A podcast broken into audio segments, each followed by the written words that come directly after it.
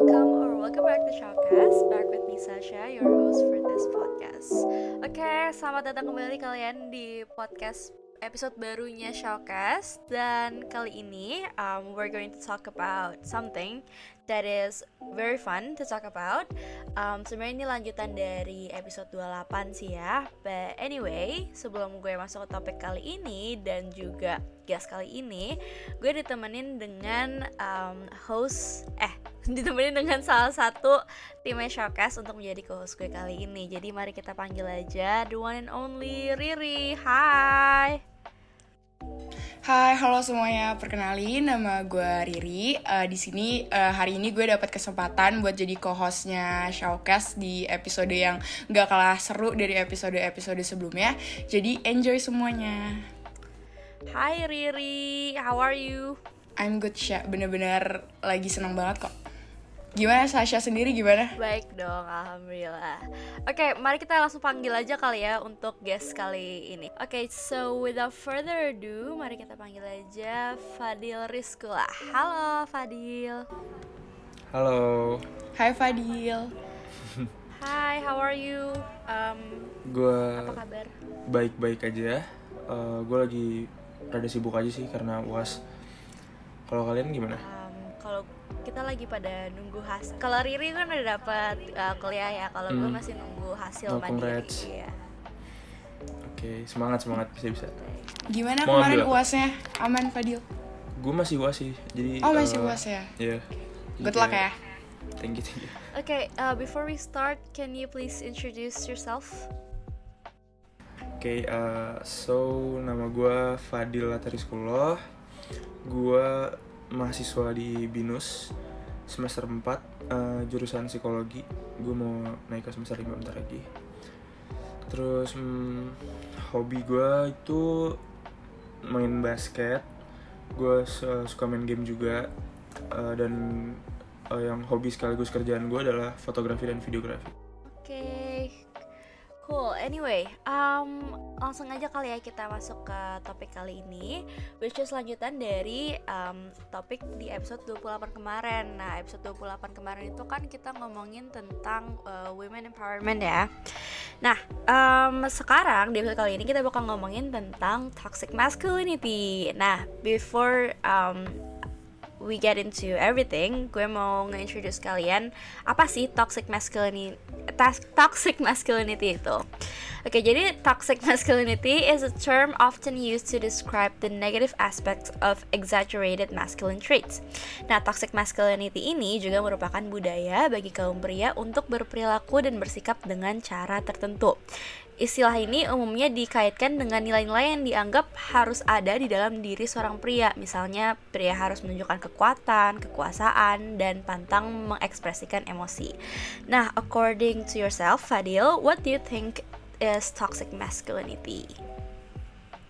Hmm, kalau menurut gue sih sebenarnya sama sih. Eh, jadi itu lebih kayak apa ya? Toxic masculinity kayak eh, standar yang dibuat sama masyarakat ini tuh untuk nge ngepres cowok gitu loh, Iya. atau ngepres eh, apa? Kalau misalkan eh, cowok itu nggak boleh ada feminim sedikit gitu, atau bahkan yang masculinity itu kayak harus yang itu selalu berkuasa, selalu nggak mengekspresikan emosi itu sih yang paling menurut gue paling penting di bagian itu. Oke, berarti ya secara singkatnya toxic masculinity itu kayak ini ya eh, aturan-aturan cowok tuh harus gimana, cowok tuh harus begini kayak patokan-patokannya. Nah, Fadil, kita kan tinggal di sebuah negara yang budayanya tuh eh, banyak banget, adatnya banyak banget dan sering banget kan kita dengar tuh kayak di adat ini eh, anak laki-laki harus begini, anak laki-laki harus begitu. Nah, menurut eh, lo sendiri eh, toxic masculinity in our country itu gimana sih, Fadil? Apalagi ada nilai-nilai budaya tersebut. menurut gue sih eh, kalau emang ngebahasnya di aspek toxic masculinity ya menurut gue lumayan parah sih karena eh, ya itu sih mungkin dari dari budaya juga dan dari kecil tuh udah, udah diterapin kalau misalkan eh, cowok tuh selalu harus kuat lah pokoknya nggak nggak mau tahu masalah lo apa lo harus kuat Iya. Gitu sih. Benar-benar setuju banget.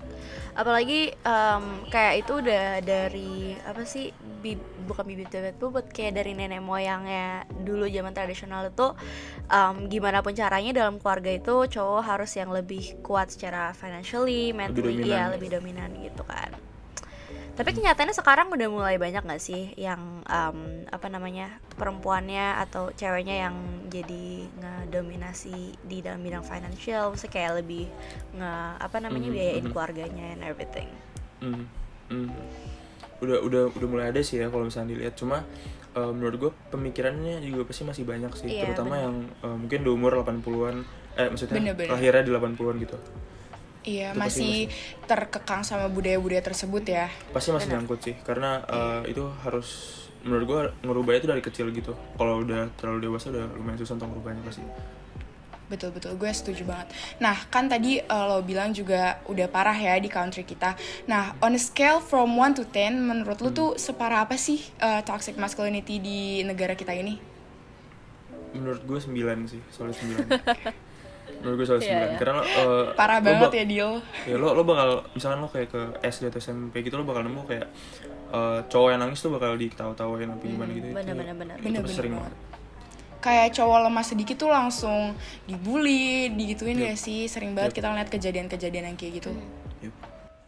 And I think uh, ini juga nggak diimplementat implementasikin di Indo juga nggak sih? Kayak bahkan di luar negeri pun hal ini tuh juga masih uh, apa namanya banyak yang apa menerapkan gitu. Kayak pem- well technically seniority di sekolah juga kan uh, lebih mengarah salah satunya mengarah ke situ juga kan. Kayak ibaratnya ngeliat eh cowok masa lu nggak berani sih uh, ngelakuin hal ini? Itu bla bla bla. And maybe people look at it like lu nggak keren lu kalau nggak kayak gini-gini kayak gitu kan yeah. So anyway um why do you think the society has this image of masculinity up until this point of toxic toxicity?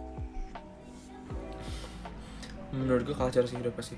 Culture dari kecil tuh eh, udah udah kebiasa banget kayak misalkan eh, jatuh sedikit kayak eh, masa kalah sih sama ini Iya, iya, dia jangan bener-bener. nangis gitu atau kayak Bener-bener setuju banget. pokoknya jadi kayak eh, lo tuh harus nge-handle semuanya dan dunia ini tuh lo yang bangun gitu loh cowok tuh harus kayak Iya. gitu seakan-akan dibuat kayak gitu Iya benar sama orang tua juga um, I think ya kadang gue juga suka ngeliat sih ya kalau misalkan di keluarga besar gitu kalau misalkan ada adik sepupu gue atau adik gue kayak lagi uh, dibercandain apa gimana terus nangis yang kayak kamu kan cowok kamu tuh nggak boleh nangis dong harusnya gitu kan Iya banget. Mhm. Eh, stigma itu sih yang paling kita dengar, paling kita sering dengar gak sih kayak cowok tuh nggak boleh nangis, Iya. cowok tuh nggak boleh lemah gitu loh. Hmm, hmm, hmm. tapi kayak the truth is juga uh, kalau dari Fadil sendiri ngerasa nggak I mean like uh, do you think expressing your feelings such as crying itu uh, important buat lo kalau gue sendiri eh, eh, semenjak gue SMA tuh gue ini banget sih apa namanya gue nge-kontrol emosi gue dengan lebih baik gitu. Jadi kayak gue mikir kalau misalkan nangis tuh hal yang wajar banget dan menurut gue itu perlu banget. Eh, mungkin gak sering tapi perlu gitu. Kayak eh, kalau gue tuh eh, nangis ya untuk masalah nangis tuh gue biasanya kayak eh, misalkan gue udah lumayan berat nih gue gue merasa eh, hidup gue lagi berat-berat aja dan gue bisa eh, dengerin lagu gitu nangis kayak 1 sampai lima menit habis itu gue fine fine lagi aja karena itu cara gue untuk ngeregulasi emosi gue Iya. gitu. Jadi menurut gue gak ada salahnya untuk nangis sih karena itu benar-benar ngelegain diri banget. Oh ya, nah kalau stigma-stigma ini emang kan stigma-stigma ini emang harus uh, mulai dipatahin satu-satu lah ya. Uh, semakin Mhm. maju juga kan zaman. Nah menurut Mhm. tuh tetap ada nggak nih batasan bagi uh, laki-laki to keep in mind? Hmm, menurut gue sih eh, maskulinitas tuh perlu sih tetap maksudnya kayak eh, ya sebagai tahu Wibawa kali ya, lebih gitu. ke- ya. ya wibawa tanggung jawab lebih kayak itu tuh itu pasti penting banget Eh, dan bukan untuk ke cowok doang sebenarnya tapi ya at least cowok tuh eh, harus bisa bertanggung jawab dan berwibawa itu udah penting banget. Tapi bukan berarti nggak boleh nge expression emosi karena eh, expression emosi itu juga penting walaupun juga harus tahu tempat gitu. Yang penting itu sih jadi harus tahu tempat aja. Oh ya, one more thing. Kayak kalau misalkan uh, cewek nih di in like in one in one group gitu kan. Terus misalkan ada kalau misalkan ini gue gitu sebagai cewek kan kadang kalau misalnya kita emang lagi sedih itu kita bener-bener ngomong di depan bareng-bareng gitu kan. Terus nangis ya di depan mereka bareng-bareng gitu. Kayak does that happen in a group of guys? Atau kayak gimana? Like how do you guys express your feelings with your friends gitu Uh, gue rasa sih nggak semuanya kayak gitu Hmm. ya. Maksudnya ada sih pasti yang kayak gitu. Cuma gue rasa cowok pasti kayak nggak nggak uh, cowok tuh lebih kayak apa ya? Mereka tuh nggak suka untuk nunjukin feelings Hmm. mereka uh, ke publik lebih seringnya. Mereka jadi lebih seringnya tuh nangis sendiri Hmm. gitu. Tapi uh, gue ada beberapa conversation sama teman cowok gue yang akhirnya kayak uh, deep talk terus nangis bareng tuh iya, ada. iya. itu ada tapi ya itu nggak nggak sering Oh, berarti ya walaupun kadang tuh kita kan jarang banget ya ngelihat cowok yang curhat. Nah, Kebanyakan iya. tuh cewek dikit-dikit deep talk, Mhm. dikit-dikit curhat sana sini. Mhm, Tapi berarti cowok walaupun kayak kita lihat cold gitu, cuek, Mhm. sebenarnya gitu juga ya deal at some point gitu. Hmm. At some point malah menurut gue uh, lebih parah gitu loh kayak masalah yang mereka punya tuh lebih parah kayak uh, uh, gue ada temen gue banyak temen cewek yang curhat sama gue tapi gue juga ada beberapa temen cowok yang curhat sama gue dan itu kayak kelihatan gitu loh kalau misalkan kayak mereka tuh nahan banget gitu. Kayak mereka mungkin nggak pernah terbiasa untuk cerita ke orang gitu mereka tertutup banget. Even gue juga lumayan tertutup. Mungkin ini kali ya, itu itulah efeknya dari kayak stigma cowok tuh uh, nutup diri, nggak nangis sana sini. Mungkin itulah efeknya jadinya begitu. Jadi sekalinya meledak bisa parah banget gitu nggak sih deal? ya ya benar benar Oke, kita lanjut ke next questionnya ya. Nah, eh, tadi nih kan kita tuh hidup di negara yang budayanya, aduh kaya banget deh. Nah, menurut lo tuh gimana sih cara matahin stigma ters stigma toxic masculinity ini? eh, apa? Sorry sorry, Eh, stigma stigma cowok tuh harus kuat begini begitu di tengah masyarakat kita ini yang pastinya tuh ada batasan, ada batasan-batasnya karena kita juga masih terikat sama budaya gitu dia. Mhm. Menurut lo gimana? kalau misalkan uh, ngomongin yang ngubahnya uh, budaya sekarang ya gue lebih mikirnya sih yang paling nolong tuh adalah awarenessnya aja sih sosialisasi itu itu paling penting. Uh, tapi kalau misalkan untuk ngerubah fully uh, maksudnya kayak orang tuanya juga itu menurut gue bakal susah banget. Jadi yang bisa kita kejar adalah masa depannya. Kayak misalkan anak-anak kecilnya. Jadi dari SD SMP SMA tuh udah harus diterapin kalau misalkan kayak ya uh, cowok tuh bisa punya feelings juga cowok bisa nge-expressin feelings juga mungkin tahu tempatnya aja gini gini gini gini gitu gitu sih karena itu nggak pernah ada di pelajaran mana pun yang gue Iya Iya, benar benar iya. benar benar. Jadi kalau lebih tepatnya um, kalau misalkan kalau cewek kan biasanya kita express our feelings anywhere we want gitu kan ibaratnya lah ya. Mhm. Betul betul. Kalau betul. cowok lebih kayak ya kita harus lihat tempat aja di mana terus kayak cari tahu apa namanya is it the right place or time to do that gak sih? Ya. Oke, eh, nah kalau misalkan dari lo sendiri nih, Fadil, lo tuh pernah gak sih ada experience eh, menghadapi toxic masculinity itu kayak misalkan lo dianggap gimana, dianggap lemah atau nangis di depan orang terus langsung diejek kayak ih lo lemah banget gini gitu. Ada gak sih peristiwa kayak gitu, pengalaman lo kayak gitu? Gue sih nggak nggak ngerasa yang direct sih kayak maksudnya yang direct langsung gitu. Tapi gue ngerasa kalau misalkan kayak gue sih dari dari kecil tuh kan kayak eh, rada manja terus cengeng gitu ya. Jadi kayak kerasa aja gitu tatapan mereka tuh eh, kayak tatapan disgust Iya, iya, gitu iya. sih kayak kayak gitu loh. Karena mungkin eh, kalau misalkan gue ngeliat lagi sekarang sih ya gue ajarin aja kayak emang budayanya ini kayak gini jadi susah juga untuk eh, ya mereka juga masih kecil gitu sama-sama masih kecil jadi nggak bisa apa-apa. Eh, itu kan tanggung jawab orang tuanya untuk ngajarin. Kalau misalkan cowok juga boleh nangis gitu dan even di keluarga gue sih eh, walaupun nggak parah ya tapi tetap ada gitu Eh, tetap ada ininya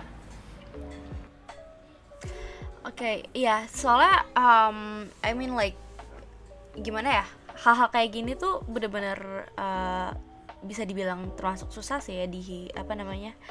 Diilangin juga kayak such as kalau misalnya kebalikannya uh, perempuan itu kan harus kelihatan ibarat ibaratnya orang-orang lihat perempuan itu lemah gitu kan terus laki-laki harus selalu kuat gitu kan. Padahal um, in real life-nya juga ya harusnya kita sama-sama seimbang gitu kayak perempuan bisa nge-express their feelings and guys should too gitu kan. Tapi kayak ya sayangnya aja sih kalau misalkan sekarang tuh orang-orang banyak yang apa masih mikir kalau cowok itu nggak boleh uh, you know express their feelings and stuff like that and like I said before um, kayak bullying itu kan tadi gue bilang kan kalau bullying itu sebenarnya satu senioritas itu termasuk termasuk a part of toxic masculinity. Karena kayak misalkan orang eh, apa namanya di apa ya dikasih pukulan apa sih physically physical damage misalkan. Physical attack. Ya kayak dipukul atau ditonjok kayak gitu gitu kan. Kayak Yeah. iya kalau Hmm. misalkan uh, kita mendapatkan hal tersebut secara tiba-tiba gitu kan ya gimana nggak Hmm. nangis coba kayak lu tiba-tiba di attack kayak gitu Hmm. ya how could you not cry technically Hmm, terus habis itu malah dikatain kayak ah cemen lu cengeng lu jadi jadi Hmm. anak kecil Iya, gitu kan iya. kayak ya kalau misalkan emang syukur-syukur kalau anaknya bisa bisa self defend tapi kalau misalkan anaknya belum bisa self defend terus lu masih mau tetap mukulin dia sampai dia bonyok gitu kayak ya that that shouldn't like you shouldn't do that gitu loh. Ya kan? Hmm, ya kalau kalau bullying udah aspek yang menurut gue jauh lebih parah daripada Iya, toxic masculinity sih. Karena uh, ya uh, verbal ataupun physical bullying tuh itu udah udah menurut gue udah ngaruh bisa ngefeknya ke depan ke pan- jangka Iya. panjang gitu loh. Betul betul betul Eh, nah terus dia lu kan pernah yang ngerasain apa toxic masculinity ini yang walaupun secara tidak langsung gitu ya. Terus eh, saat lo tuh mengalami hal tersebut tuh apa sih yang lo lakuin di situasi itu? Eh, tentunya karena gue waktu itu masih kecil ya gue bakal adaptasi aja sih sama kayak apa sama kayak standar masyarakat mau nggak mau gitu loh. Karena kan gue juga belum belum bisa begitu mikir ya masih kecil gitu. Kita belum matang gitu kan. Eh, dan anak kecil tuh tense untuk apa merhatiin orang sekitar gitu. Jadi kayak udah kalau misalkan kayak walaupun lo rada lemah gitu daripada cowok lain lo bakal mau nggak mau tegarin tegarin diri sendiri gitu. Dan tapi menurut gue itu eh, hal yang oke sih sampai kayak ada batasnya gitu jangan terlalu parah juga gitu. Kayak untuk ngebentuk mental sih itu bagus. Cuma maksudnya bukan berarti ya lo nggak boleh nangis juga gitu betul sih. betul. Ada dampak positifnya juga ya deal Ada kayak gitu. tapi juga. bukan berarti kita menormalisasikan hal tersebut gak sih? Iya iya benar benar. Iya ya setuju. Nah anyway um, setelah kejadian itu lu ngerasa nggak sih ada perbedaan uh, dari point of view lu ke you know toxic masculinity itself? Maksudnya? Kayak lu Gimana? ada pas uh, setelah kejadian itu kan lu juga mencoba untuk introspeksi diri and everything kan. Nah lu ada nggak um, different point of view? Kayak mungkin dulu lu mikirnya kayak uh, apa namanya? Lu mikirnya tuh kayak um, apa cowok itu kan emang harus kuat in everything kan? Karena orang-orang kan Oh. pada ngelihatnya um, apa namanya? They they see you as like this maybe dulu orang yang kelihatannya lebih lemah dibanding yang lain or something like that gitu kan? Hmm, nah hmm. dari kejadian itu and then you start to uh, introspect yourself itu lu jadi punya ada nggak sih kayak uh, pandangan lain about toxic masculinity tox- toxic masculinity itself? Kayak uh, mungkin oh ya sebenarnya tuh uh, cowok tuh nggak apa-apa kalau kayak gini. Uh, it's it's fine to Hmm. express your feelings it's fine to Mhm, be mhm, yourself gitu. Hmm. Eh, mungkin karena eh, diri gue yang udah lebih dewasa dari dulu ya gue mikirnya sih eh, lebih kayak karena gue juga udah belajar juga di psikologi ada emosi and something. Eh, menurut gue tuh eh, pengekspresian emosi ini penting banget gitu loh. Jadi apalagi eh, saat kecil ini kan ya lo lo bukan bukan di saat lo tuh udah bisa ngatur emosi lo gitu loh pas lo kecil ini tuh ya udah eh, lo ngerasain nang- eh, sedih ya nangis ngerasain marah ya marah gitu loh. Nah di situ adalah pemben- pembentukan gimana cara lo bisa kontrol diri. Nah kontrol diri itu adalah dengan cara diajarin bukan dikucilin bukan dikata-katain gitu loh. Karena kalau misalkan dengan cara kayak gitu ya itu efeknya lumayan berat sih menurut gue Iya. pastinya untuk anak-anak itu. Ya bener. Oh ya another question is like um, kalau menurut lu gimana kalau misalkan orang tuanya nih um, let's say anak-anaknya udah mendapatkan uh, verbal bullying because uh, the Mhm, people ngelihat dia itu sebagai seseorang yang lemah gitu kan and then maybe Mhm. dia cerita ke orang tuanya and something like that. But turns out orang tuanya tuh bukan yang ngajarin dia gimana uh, lu bisa mentally lebih prepare for that and then um, apa namanya saying that it's fine kalau lu mau cerita ke kita tapi mereka malah yang kayak ya nge nge ngeblame dia juga kayak ya lu ngapain malah jadi Hmm. nangis kayak gini-gini lu kan harusnya ngelawan balik and stuff like that gitu kan and sometimes kayak gitu kan bisa um, Hmm. apa mentally da- damaging kan ke dia Hmm, menurut gue pasti banyak sih karena itu balik lagi ke uh, culture yang orang tua Iya. orang tuanya adapt tuh emang kayak gitu gitu loh jadinya uh, orang tuanya mungkin nggak tahu emang bingung gimana cara ngehandle anaknya atau emang uh, menurut mereka adalah uh, dengan mereka blaming ke anaknya anaknya bisa jadi lebih tegar gue nggak tahu sih. Kayak ada susah untuk punya anak gitu ya. Itu butuh kesiapan yang sangat pasti banget menurut gue susah untuk kayak lo ya nikah dan punya anak aja gitu tanpa punya edukasi atau pengetahuan apa pun tentang anak gitu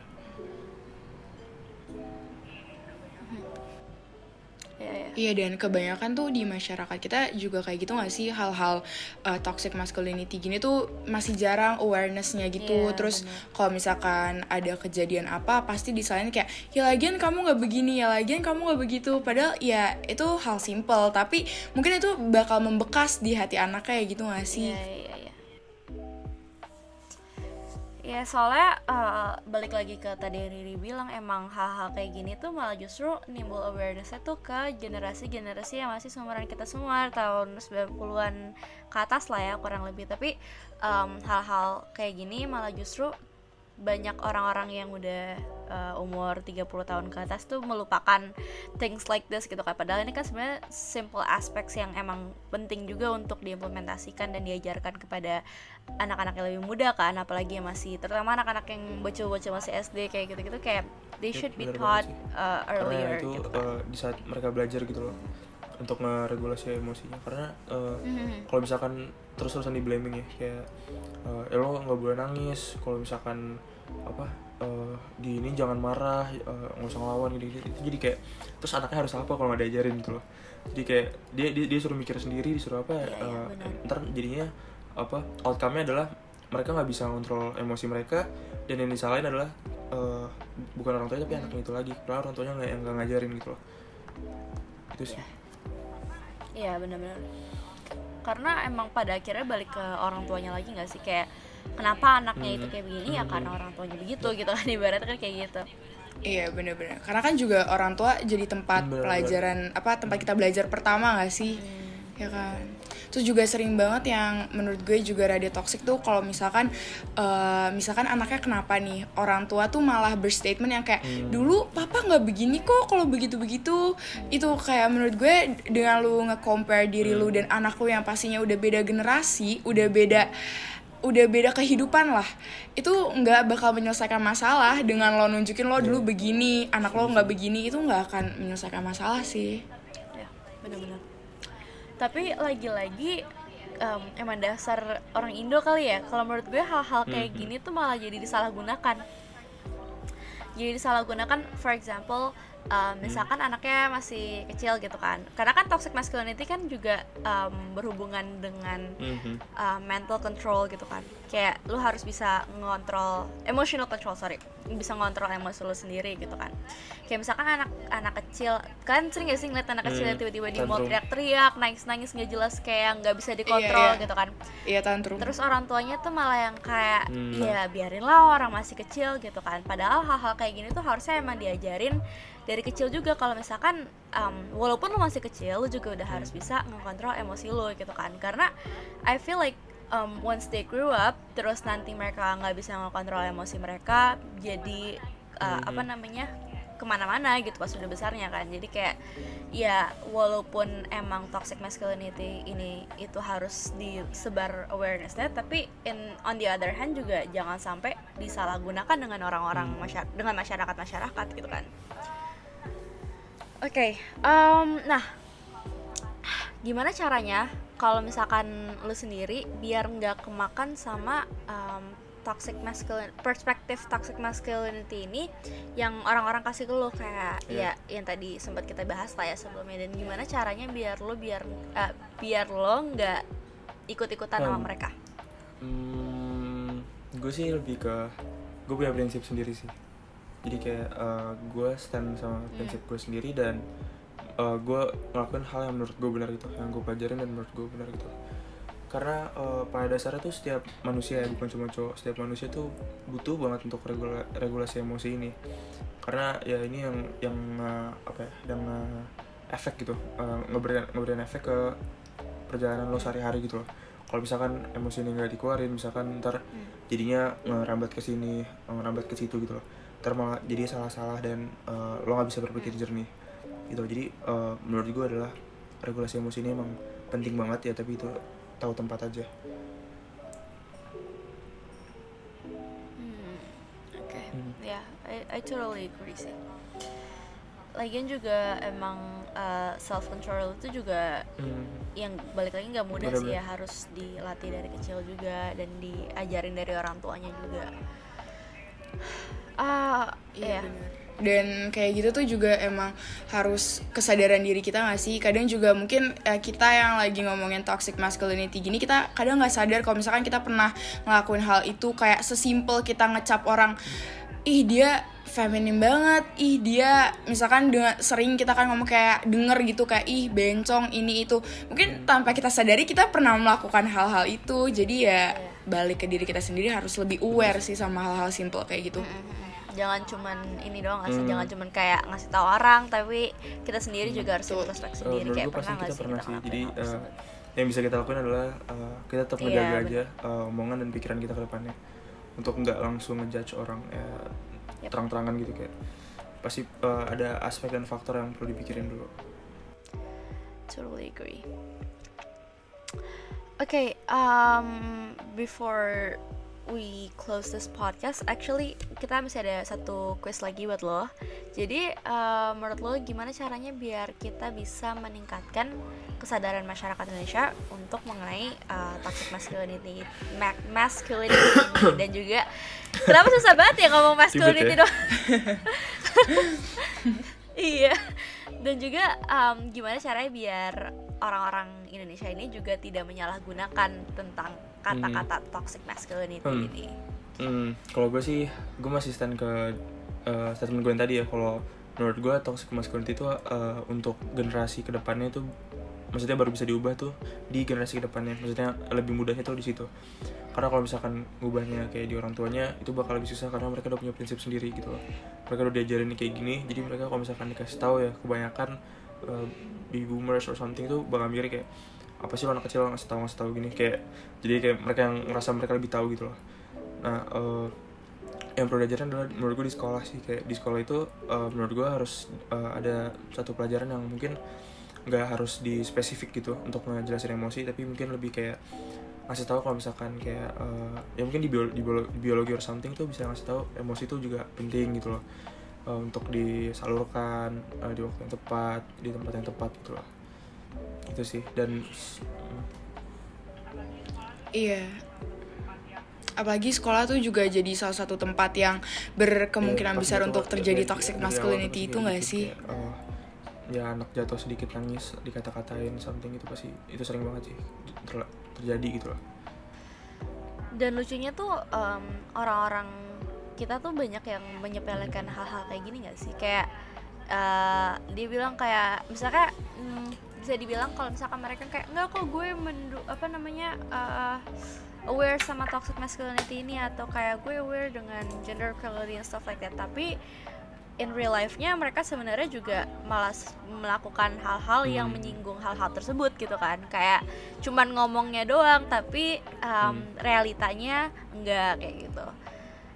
Yang di yang di apa namanya uh, sedihkan kan? ya, sedihkan ya. Sadly itu gara-gara ya gara-gara um, apa Hmm, namanya banyak yang kayak Eh, gitu. pasti banyak sih eh, yang bertopeng gitu jadinya kayak bertopeng kayak eh eh, they fighting Iya, iya. for rights gitu padahal aslinya mereka juga enggak gitu Mhm. posting posting posting di Iya. SG atau misalkan kayak Oh. bikin platform kayak gitu bla bla bla tapi in real life-nya ternyata masih Ya, uh, kalau misalkan yang mau ngomongin aspek itu tersebut banyak gitu sih kan. yang kayak berkedok eh, di open minded gitu kan mereka kayak gue gue orangnya open minded banget tapi pas Iya. eh, sorry pas ngeliat kayak jamet atau apa yang kayak di Citayam gitu misalkan dia, dia ngejudge kayak apaan sih pakaiannya jelek? Kayak kayak itu kan ca- cara mereka ekspresin diri mereka sendiri kenapa Iya, lo iya, yang iya. bermasalah gitu. Kat- katanya lo open minded itu sih yang gue Iya. kayak rada hmm, gitu kayak Bener-bener. Dan gue juga ngerasanya karena ada apa tuh namanya kosakata open minded ini tuh banyak orang yang menyalahgunakan open minded gitu kayak Iya. mereka sebenarnya nggak tahu apa sih uh, definisi open minded gitu loh. Maunya kelihatan kerennya aja gitu nggak Iya. sih? balik lagi itu uh, pengen Iya, ikutin culture aja nggak sih kayak Mhm, emang la- karena lagi tren tentang hal-hal kayak gini makanya diomongin terus kayak iya gue orangnya open minded kok gue Hmm. orangnya self aware kok bla bla tapi kayak padahal kenyataannya Mikirnya cuma ngomong kayak doang kan. gitu. Karena dari culture yang udah Iya, lumayan jelek aja sih mungkin. Mungkin menurut gue ya eh, Indonesia tuh ter- terlalu judgmental sih. M- mungkin gak Indonesia doang ya. Orang-orang banyak banget yang kayak terlalu judgmental Yes, sih apa pun benar. apa pun tuh langsung dijudge gitu kayak ih lu orang gendut banget sih. Ini orang kenapa kurus banget sih. Eh, kayak gitu-gitu loh. Jadi kayak Iya. padahal eh, sebelum lo mikir itu lo bisa mikir ke yang lain gitu loh. Kayak aspeknya kayak kenapa sih eh, eh, misalkan kayak eh, mungkin dia kayak kayak gini karena ini gitu loh. Banyak banyak hal yang bisa dipertimbangkan dulu sebelum lo bisa ngejudge orang gitu loh. Itu terlalu terlalu Ya, masif aja. benar-benar. Soalnya kayak kalau bisa dilihat maybe differencesnya kayak uh, temen gue kayak si Vira terus abis itu ada salah satu tim kita di Showcase tuh uh, Liquid juga mereka kan pindah ke US kan. Terus mereka bilang kayak Iya. mereka tuh orang-orang di luar negeri tuh lebih kayak ya udah if you wanna express yourself just express yourself. Kayak orang nggak akan ada yang ngejudge gitu kayak ya udah hidup lu ya hidup lu hidup gue hidup gue sedangkan back here in Indonesia tuh kayak orang ngelakuin hal sedikit pun yang menurut orang lain itu salah gitu kan udah pasti bakal dicaci maki abis-abisan gitu kan. Kayak even as simple as posting on Instagram itu udah bisa langsung diomongin kayak ih lihat deh masa dia Bener gini, banget, gini, bener gini, gini gini gini gini. Terlalu banyak Iya. julidnya gitu. Dan kayak terus eh, di kita lebih sering ini gak sih kayak nggak pede jadinya mau pakai apa ini itu karena kayak orang tuh bertatapan sinis Iya, gitu loh. bener. ya judgmental banget sih menurut gue masyarakat kita. Ya mungkin kita tanpa sadar kita juga pernah being judgmental gak sih? Bener-bener bener karena hal-hal kayak gitu juga ya emang kadang suka ada di bawah alam sadar kita juga sih ya kan? Mhm. Ya, sebenarnya eh, eh, pemikiran itu antara di alam sadar sama mungkin dari culture yang udah kebangun sendiri gitu ya Yes. dari budaya dan pembelajaran yang udah dibangun. Jadi kayak ada pemikiran itu cuma harusnya tuh sampai di pikir pemikiran aja dan harusnya tuh di deny gitu loh. Itu kan negatif ya kayak judgmental tuh negativity yang gitu. Harusnya di deny aja jangan sampai dikeluarin apalagi digosipin. Itu Iya. kayak kasihan aja sih orangnya. Iya, benar. Anyway, um, I think that's it for today's episode. Nah, buat Fadil sendiri, maybe ada yang mau disampaikan untuk para pendengar-pendengar before we close this podcast. apa ya eh, mungkin gue mau ngasih tahu untuk eh, coba untuk kontrol diri dan bisa regulasi emosi itu eh, itu guna banget kayak apa namanya saat lo lagi eh, sibuk atau lagi di kayak apa ya kayak rasa dunia mau nyakitin lo gitu loh itu lo bisa take rest lo bisa istirahat dan bisa nangis dulu jangan selalu maksain diri lo gitu bukan berarti lo nyerah tapi lo bisa istirahat itu aja sih Okay, thank you so much for everything ya Fadil. Thank you so much for joining us today juga. ya makasih juga Uh, thank you juga buat Riri for being co-host gue untuk di episode kali ini. Um, buat kalian semua jangan lupa follow uh, social media Showcast di Instagram at showcast.sha dan di Twitter at showcast underscore sha. And then don't forget to listen to our podcast available on Spotify, Apple Podcasts, and Google Podcasts. Dan kalau kalian mau nge-support kita bisa juga langsung uh, cek anchornya Showcast. Anyway, I think that's it for today's episode. Semoga bermanfaat buat kalian semua dan buat pendengar-pendengar semoga makin terbuka lagi pemikirannya mengenai hal-hal seperti ini. Um, that's it for from me, and I will see you guys in the next episode. Bye-bye. Bye bye.